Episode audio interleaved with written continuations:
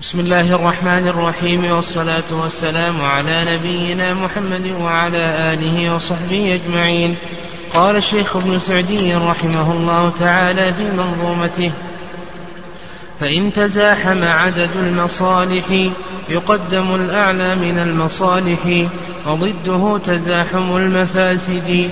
يرتكب الأدنى من المفاسد ومن قواعد الشريعة التيسير في كل أمر نابه تعسير. بسم الله الرحمن الرحيم الحمد لله رب العالمين والصلاة والسلام على نبينا محمد وعلى آله وصحبه أجمعين. يقول المؤلف رحمه الله تعالى وإن تزاحم عدد المصالح يقدم الأعلى من المصالح.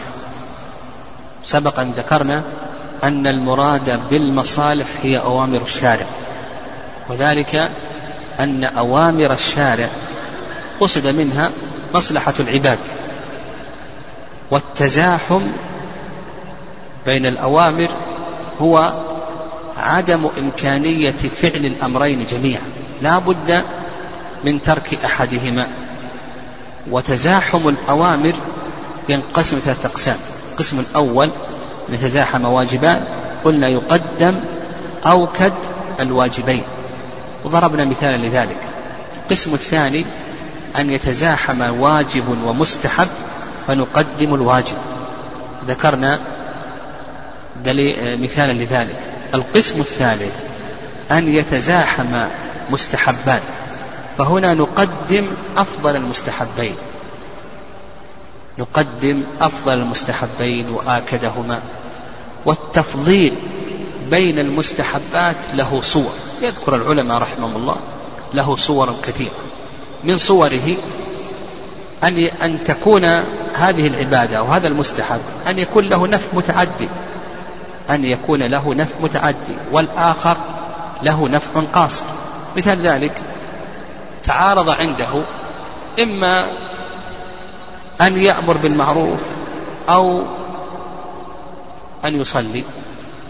الأمر بالمعروف له نفع متعدي تعارض عنده إما أن يطلب العلم أو أن يقرأ القرآن.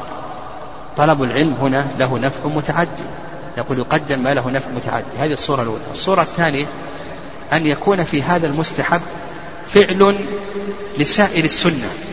يعني فعل لسائر السنة. مثلا تعارض عنده إما أن يسبح الله ثلاثة وثلاثين ويحمده ثلاثة وثلاثين ويكبره ثلاثة وثلاثين ويقول في تمام المئة لا إله إلا الله وحده لا شريك له له الملك وله الحمد وعلى كل شيء قدير. أو أن يسبح الله ويحمده ويكبره ويهلله خمسا وعشرين. فإذا فعل ذلك يكون عمل بكل السنة الواردة عنه وسلم في صيغ الذكر. كذلك أيضا من صور التفضيل بين المستحبات. أن أن تكون هذا المستحب أن يكون أنفع للقلب. أنفع للقلب. تعارض عنده. إما أن يصلي أو يقرأ القرآن. لكن يقول كون يصلي أنفع لقلبه ولذلك الإمام أحمد رحمه الله لما سئل عن صلاة الليل. يعني قال افعل ما هو الأنفع لقلبك. قد يكون فعل لهذا المستحب أنفع لقلبك. فنقول يقدم ما هو الأنفع لقلبك. أن يكون في هذا فعل هذا المستحب تأليف لبعض الناس. فنقول يفعل. يعني يفعل ما هو تأليف لبعض الناس. مثلا لو كان لا يرى الجهر بالبسملة بالبسملة في الصلاة وهناك من يرى الجهر بالبسملة فيفعل ذلك لكي يؤلفه إلى آخره. أيضا أن أن تكون هذه السنة هي عبادة الزمان. أو عبادة المكان أو عبادة الحال فإنه يقدمها. نعم يقدمها. مثلا تعارض عنده بعد الصلاة المفروضة أن يذكر الله ويقرأ القرآن. القرآن هو أشرف الذكر. لكن نقول كونه كونه يذكر الله عز وجل هذا هو الأفضل. لماذا؟ لأن هذه عبادة ها؟ عبادة الزمان في هذا الوقت. أن يترتب على فعل هذا المستحب صلة صلة الرحم. يقول يفعل هذا يفعل هذا. تعارض عنده إما أن يطلب العلم وإما أن يخرج مع قريبه لكي لكي يعود قريبه أو نحو ذلك. المهم التفضيل بين المستحبات ها نقول ماذا؟ له آه، صور. طيب تزاحم المفاسد. قال وضده تزاحم المفاسد يرتكب الأدنى من المفاسد. والمقصود بالمفاسد النواهي. وعلى هذا إذا تزاحم منهيان تزاحم منهيان. فنقول تزاحم النواهي نقول بأنه ينقسم إلى أقسام. يعني تزاحم النواهي نقول بأنه ينقسم إلى أقسام. القسم الأول أن يتزاحم محرمان فنقول يرتكب أخف المحرمين. يرتكب أخف المحرمين تزاحم عنده الميتة الأكل من الميتة أو الأكل من شاة لم يذكر عليها اسم الله. الشاة التي لم يذكر اسم الله أخف لأن الشاة يرون أن التسمية سنة. فنقول يأكل من الشاة التي لم يذكر عليها اسم الله. القسم الثاني أن يتزاحم محرم ومكروه. نقول يقدم المكروه. تزاحم عنده أن يأكل من الميتة أو أن يأكل من البصل. نقول كل من البصل. القسم الثالث أن يتزاحم مكروهان.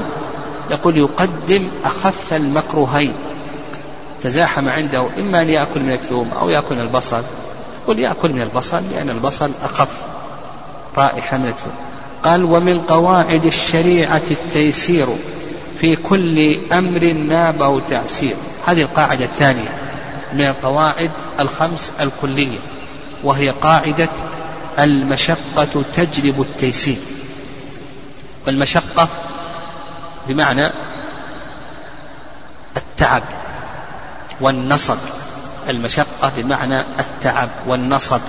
وتطلق أيضا المشقة على السفر البعيد كما في قول الله عز وجل ولكن بعدت عليهم الشقة. وتجلب التيسير التسهيل التيسير بمعنى التسهيل. التيسير بمعنى التسهيل. فمعنى هذه القاعدة أنه إذا حصلت المشقة حصل التيسير. واعلم أن التيسير في الشريعة ينقسم إلى قسمين. التيسير في الشريعة ينقسم إلى قسمين. القسم الأول تيسير أصلي. تيسير أصلي. فالأوامر في الشريعة مبنية على التيسير. أنت إذا تأملت التكاليف الشرعية تجد أنها مبنية على التيسير. فمثلا الذي يجب يعني آه الذي يجب من الصلاة خمس صلوات في اليوم والليلة تستغرق ساعة ونصف. الصيام يجب أن تصوم شهرا ويبقى أحد عشر شهر. الزكاة اثنان ونصف بالمئة ويبقى سبعة وتسعون ونصف لا زكاة فيها. الحج والعمرة في العمر مرة واحدة. هذه مبنية لا شك أن هذه الأوامر مبنية على التيسير تيسير أصلي. القسم الثاني تيسير عارض. القسم الثاني تيسير عارض. وذلك أنه يعرض سبب من أسباب التخفيف. يعني يعرض سبب من أسباب التخفيف فيخفف مرة أخرى. فعندنا التيسير الأصلي ثم بعد ذلك يعرض سبب من أسباب التخفيف ها فيخفف مرة أخرى. نعم هذا تيسير عارض وهذا يحوجنا إلى أن نعرف أسباب التخفيف. ما هي أسباب التخفيف؟ نقول السبب الأول من أسباب التخفيف السفر. السبب الأول من أسباب التخفيف السفر. والسفر هو الخروج عن محل الإقامة في اللغة وأما في الاصطلاح فهو مفارقة البلد على وجه السفر عرفا. يعني مفارقة البلد على وجه السفر عرفا. ودليله قول الله قول الله عز وجل فمن كان منكم مريضا أو على سفر فعدة من أيام أخرى والسفر من أسباب التخفيف بالإجماع. وذكر العلماء رحمهم الله للسفر شروطا لكي يكون من أسباب التخفيف. ذكروا له شروطا. الشرط الأول المسافة. وهل هناك مسافة معينة أو, أو أن الأمر راجع إلى العرف. هذا موضع خلاف بين العلماء رحمهم الله. يعني هل هو معين؟ هل, هل هذا هل هناك مسافة معينة؟ أو أن هذا راجع إلى العرف؟ هذا موضع خلاف. وسبقا تكلمنا عليه في آه، باب صلاة أهل الأعذار عندما تكلمنا على الجمع والقصر في الصلاة. الشرط الثاني مفارقة عامر البلد. لا بد من مفارقة عامر البلد. لا يحل الترخص حتى يفارق عامر البلد. الشرط الثالث المدة. هل السفر محدد بمدة وليس محدد بمدة؟ يعني سبق أن تكلمنا عليه في باب صلاة أهل الأعذار فلا حاجة إلى عادة مثل هذه الأشياء. الشرط الرابع والأخير نعم الشرط الرابع والأخير آه، أن يكون مباحا وعلى هذا إذا كان محرما فإنه لا يترخص فيه. خلافا لما عند الجمهور خلافا لما ذهب إليه أبو حنيفة واختاره شيخ الإسلام ابن تيمية رحمه الله. هذه أربعة شروط للسفر الذي يترخص فيه. آه، ورخص السفر الجمع والقصر والفطر والمسح إلى آخره. طيب السبب الثاني من أسباب التخفيف المرض. والمرض في اللغة السقم. وأما في الاصطلاح أما في الاصطلاح فهو الخروج عن حال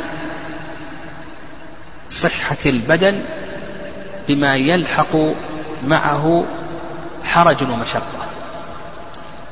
الخروج عن حال صحة البدن أو اعتلال البدن بما يترتب عليه حرج ومشقة. فإذا وجد مع المرض حرج ومشقة في فعل المأمور فإنه يقتضي التخفيف. ودليله قول الله عز وجل فمن كان منكم مريضا أو على سفر فعدة من أيام أخرى. في حديث عمران النبي صلى الله عليه وسلم قال صل قائما. لما شكى له أن به بواسير قال صل قائما. فإن لم تستطع فقاعدا. فإن لم تستطع فعلى جنب. وضابط المرض كما أسلفنا الذي يكون السبب من أسباب التخفيف وما يلحق معه حرج ومشقة. فإذا كان يلحق معه حرج ومشقة في حال فعل المأمور فإنه يخفف عن هذا المريض. ويدخل في ذلك يعني من رخص المرض الجمع بين الصلاتين وأيضا ما يتعلق بالتيمم كذلك أيضا الفطر في نهار رمضان الصلاة قاعدا الصلاة على جنب إلى آخره. أيضا من أسباب التخفيف الجهل وهذا سيأتينا في كلام المؤلف رحمه الله تعالى من أسباب التخفيف الخطأ وهذا سيأتينا في كلام المؤلف رحمه الله تعالى ومن أسباب التخفيف النسيان وهذا سيأتينا أيضا في كلام المؤلف رحمه الله ومن أسباب التخفيف أيضا الإكراه نعم وهذا أيضا من أسباب التخفيف نعم كما سيأتي هذه كلها ستأتي في كلام المؤلف رحمه الله تعالى. سبحانك اللهم ربنا وبحمدك أشهد أن لا إله إلا أنت أستغفرك وأتوب إليك.